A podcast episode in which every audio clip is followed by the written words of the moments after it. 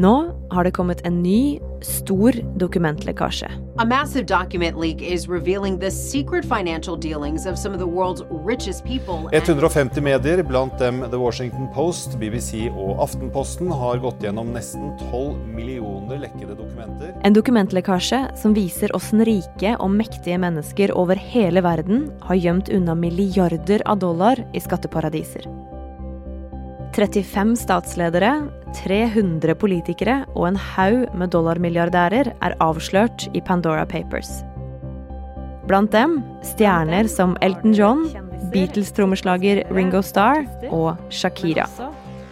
Men også 300 nordmenn. Og Aftenposten var med fra starten. Du hører på Forklart. Jeg heter Anne Lindholm, og i dag er det tirsdag 5. oktober. Ok, Google Maps. Ja. Og så limer vi inn en adresse i Malibu. Malibu, California. Ved stranda. Ser dere på stranda? stranda. Ja. For der fins det noen luksuseiendommer som står i Pandora Papers. Skal vi se Hvis vi tar han lille gullmannen, så drar vi han opp på veien rett utafor her. Masse palmer. Mm. Det der er ikke det største, da. Å nei. Det kommer du til nå. Ok. Det her. Ja. Fire, firedobbel eikeport, ser det ut som. Det stemmer, med en litt sånn fin uh, mur ved siden av her. Mhm. Og svær, svære palmer på hver sin side. Se, se ovenifra, skal vi se hva som er inni her. Ja. Her har vi jo tre svære bygninger. Det, det i midten der kosta 33,5 millioner dollar. Så der er det syv soverom i det største der. Sju soverom og utsikt over havet. Ja. Stillehavet. De eiendommene som Aftenposten-journalist Nina Selbo Thorseth og jeg sitter og ser på, de tilhører en fyr som har skaffa seg hus for 106 millioner dollar, rundt 900 millioner norske kroner. Den fyren er kong Abdullah den andre av Jordan. Jordan er et av de fattigste arabiske landa. Det har ikke så mye olje og nesten ikke vann, og i tillegg så er det store flyktningleirer der. Så Jordan er avhengig av bistandspenger. Mye fra USA, men også fra Norge. Og der, i Jordan, så har Abdullah 2. bin al-Hussein vært kongen siden 1999. Mange av luksuseiendommene til kong Abdullah er kjøpt etter den arabiske våren. Opprøret der folk i mange arabiske land krevde demokrati i 2010 og 2011.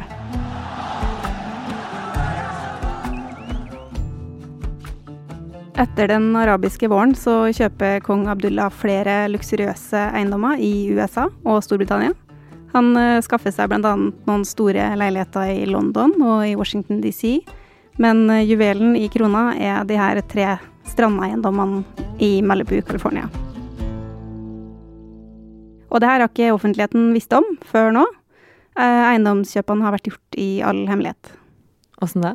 Kong Abdullah han har betalt både advokater og rådgivere for å holde sitt eget navn langt unna alt av papirarbeid og offentlige registre. Eh, internt så har rådgiverne bare kalt han You Know Who, som viser at de har strukket seg langt foran. Og det de har gjort, er å sette opp flere selskaper i skatteparadis på vegne av kongen. I motsetning til i Norge f.eks., så er det veldig vanskelig å finne ut hvem som eier selskap i skatteparadis. Eh, Det ser bare helt anonymt ut, eh, og ofte så er det stråmenn som sitter i styret osv. Så, når kongen kjøper seg en strandvilla i Malibu, så er det ingen som finner ut at det faktisk er han som eier, fordi på papiret så eies den av et anonymt selskap eh, på de britiske jomfruøyene. Mm, så via, via, via litt hemmelige mennesker og litt papirer som ingen har sett og ingen vet om, så er det han som eier disse eiendommene. Ja. Mm. Hva får disse kjøpene å si? Det er klart at det har jo en konsekvens for Jordan at eh, kongen velger å investere formuen sin i utlandet heller enn i Jordan. Eh, nå må kongen av Jordan uansett ikke betale skatt etter jordansk lov, men eh, professorer som vi har snakka med, mener uansett at det her vil skade kongens omdømme. Jordan er jo et av de fattigste arabiske landene og helt avhengig av bistandsmidler. Så når kongen sitter på en så enorm formue som han også har skjult, så vil det være kontroversielt.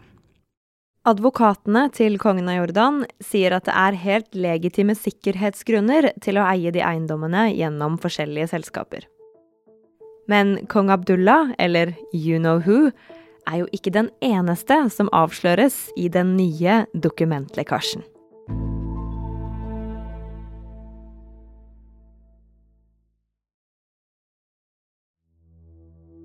Nina, åssen har informasjonen om kong Abdullah og de eiendomskjøpene hans kommet fram? Det har kommet frem gjennom en eh, dokumentlekkasje som har fått navnet Pandora Papers. Eh, Aftenposten og E24 har fått eh, tilgang til den lekkasjen gjennom ICIJ. Det er et globalt nettverk av gravejournalister som har valgt å jobbe sammen på store prosjekter heller enn å konkurrere, som vi vanligvis gjør i mediebransjen. Eh, vi har også jobba med de før, f.eks. med Panama Papers, som en del kanskje husker fra 2016. Og hva er Pandora Papers? Pandora Papers er en lekkasje som består av 11,9 millioner dokumenter fra 14 ulike firma som driver med advokatfirma, det er konsulentfirma, det er rådgivningsselskaper og kapitalforvaltere. Eh, og de har alle til felles at de hjelper kundene sine med å etablere seg i skatteparadis. I lekkasjen så fant Nina og de andre journalistene i nettverket mange rike og mektige mennesker. Kongelige, statsministre og andre politikere. Blant annet statsministeren i Tsjekkia, Andrej Babic. Hvis du har hørt om han, så er det kanskje fordi han gikk inn for å etterligne Donald Trump han hadde på seg en rød caps og sa 'la oss gjøre Tsjekkia sterkt igjen'. Han har også solgt seg inn som en businessmann som kan ordne opp i økonomien i landet. Og han har gått løs på korrupte politikere. Men i Pandora Papers så viser hemmelige dokumenter at han bl.a. har flytta 22 millioner dollar for å kjøpe et slott på den franske rivieraen. Det er 13 år siden nå, men han har holdt eierskapet hemmelig i strid med loven i Tsjekkia, som sier at politikere skal oppgi eierskap til eiendommer. Slottet har kino, vinkjeller, svømmebasseng og en egen vaktmesterbolig. Journalistene i nettverket har ikke fått svar fra Babish. Sjøl ikke da en BBC-reporter gikk etter han for å prøve å få han til å svare. Mr. Babish. Mr. Babish, we sent you Next time, request. if you want to film me, ask me for we permission. Did. We sent you no, an no, no, request, no, sir. You, you sir, we'd like to ask you about your uh, your properties in France. Why you used an offshore company to buy them, and why you didn't declare them? Hey, sir. Mr. Babish, sir. I'm security officer. Don't touch me. Det er mange politikere i tillegg til Babish i lekkasjen, som britenes gamle statsminister Tony Blair, emiren av Qatar og presidenten i Ukraina. Men de fant også kjendiser og artister som Beatles-legenden Ringo Starr og den fargerike rakettmannen sir Elton John. Sir Elton John har jo en eh, stor formue og mange ulike inntektskilder. Ehm, lekkasjen viser at han har en ganske komplisert selskapsstruktur i utlandet for eh, de her mange inntektskildene han har. Eh, han har eh, to selskaper som drar inn inntekter hver gang musikalene 'Løvenes konge' og 'Billy Elliot' blir satt opp, fordi der har han skrevet musikken, så han kjenner godt på det. Og så har han egne selskaper som drar inn penger når noen bruker den offisielle logoen hans. Men det er flere kjendiser i denne eh, svære lekkasjen. Håndterer alle det på samme måten? Det er litt uh, forskjellig. Noen gjør jo som kongen av Jordan og bruker skatteparadis til å eie luksuseiendom. Uh, men royalties og bilderettigheter og sånn er vanlig bruk, ja. Så det de gjør da, er at de overfører rettighetene til uh, et selskap i skatteparadis, sånn at det er det selskapet og ikke dem personlig som får inntekten. Agenten til Elton John sier at artisten ikke har organisert seg sånn for å slippe skatt, og at selskapene hans betaler selskapsskatt i Storbritannia. Men i skatteparadiser så betaler man veldig lite eller ingen skatt, og i en del tilfeller så er det øyer i varmere strøk, sånn som Bahamas, de britiske Jomfruøyene og Seychellene. Men det er ikke bare utenlandske rikinger som setter pengene sine her. Nina og de andre har også funnet norske navn på listene. Det er snakk om over 300 nordmenn. Eh, de har anonyme selskap i skatteparadis som eh, Panama, Seychellene, Belize og de britiske jomfruøyene. 85% er menn, eh, og de jobber med alt mulig. Det, det, står på lista både frisører og yrkessjåfører og redere og advokater og investorer. Frisører og yrkessjåfører? Ja, det er ikke så mange av akkurat dem, men det er et poeng at det er mange ulike yrkesgrupper som kan ha bruk for skatteparadis. Eh, men det vi ser, er at andelen med høy formue er nesten åtte ganger så stor hos eh, nordmennene i lekkasjen som blant norske skattytere generelt. Mm. Kan du si noe om hvem de er? Nei, jeg kan ikke si noe om det nå, men vi jobber med flere ulike saker, og noen av dem kan hende at eh, du får høre om om ikke så lenge. Men er det ulovlig? Nei, det er ikke ulovlig å ha verdier i skatteparadis. Men hvis du har det, så må det oppgis til myndighetene. Men det er altså lovlig å planlegge for å betale lite skatt. Men det er ikke lovlig å unndra skatt. For bor du i Norge, men har formue i utlandet, så skal du skatte av den. Det er så klart snakk om forskjellige beløp, avhengig av flere ting, men som skatteetaten skriver på nettsida si, er du skattemessig bosatt i Norge, er du skattepliktig til Norge for all formue, uansett om den befinner seg i Norge eller i utlandet. Men så hvorfor blir det så mye kritikk, da? Hva er eh, Altså hvorfor kommer det her fram som store avsløringer når det kanskje kan være helt lovlig virksomhet?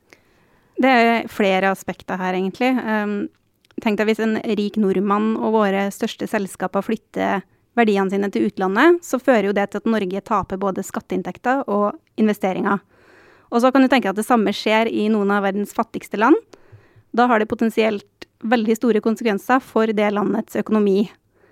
Og når det gjelder maktpersoner, som politikere som vi skriver om nå, så har jo de et særlig ansvar, og de er valgt på bakgrunn av tillit. Og da er det selvfølgelig av offentlighetens interesse at de har holdt noe skjult. Og så er det jo sånn at uh, skatteparadis de har mye hemmelighold. Uh, vi vet ikke nødvendigvis hvem som eier, uh, investerer eller styrer ulike selskaper. Og når ingen vet hva du driver med eller hvordan du gjør det, så gjør det lettere å drive med økonomisk kriminalitet som skatteunndragelser og hvitvasking og korrupsjon. Mm.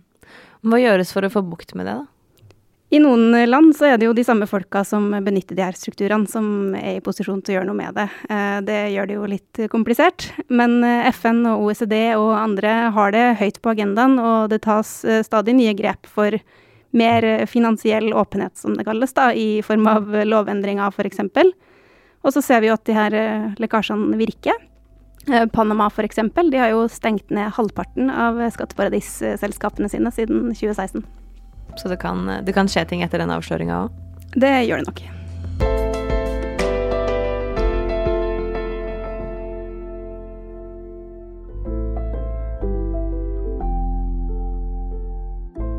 Du hørte Nina Selbo Thorseth snakke om Pandora Papers, og hvis du vil vite mer om lekkasjen, så kan du finne mange flere detaljer på aftenposten.no. Denne episoden av Forklart er laget av David Vekoni, Marte Spurkland og meg, Anne Lindholm. Resten av Forklart er Andreas Bakke Foss, Fride Nesten Onsdag, Guri Leil Skedsmo og Marit Eriksdatter Gjelland. Du hørte lyd fra ICIJ, CBS News, NRK og nyhetsbyrået AP. Og du, hvis du er nysgjerrig på flere podkaster fra Aftenposten, så kommer det en ny en i dag. Den heter Jeg var der. Hei, jeg heter Kristoffer Rønneberg, og jeg er utenriksjournalist i Aftenposten. Hver dag skriver kollegene mine og jeg om små og store hendelser der ute i verden. Og av og til så skjer det noe som er ekstra viktig. Noe vi husker i mange år etterpå. I denne podkasten skal du få høre om noen sånne øyeblikk. Fortalt av dem som var der. Som i Kairo i 2013. Jeg tror jeg sluttet å telle på 172 lik. Hvorfor har vi allerede glemt hvordan den arabiske våren sluttet med den massakren der? Og de lå der og råtnet i varmen. Røkelsen hjalp jo ingenting. Vi skal ta deg med til en park i Chicago i 2008. Til Berlin en viss novemberdag i 1989. Og du skal få bli med til London Idet telefonen ringer en kveld i 1985. Magne Furuholmen plukker opp røret, og han hopper i taket. Take On Me var verdens største hit.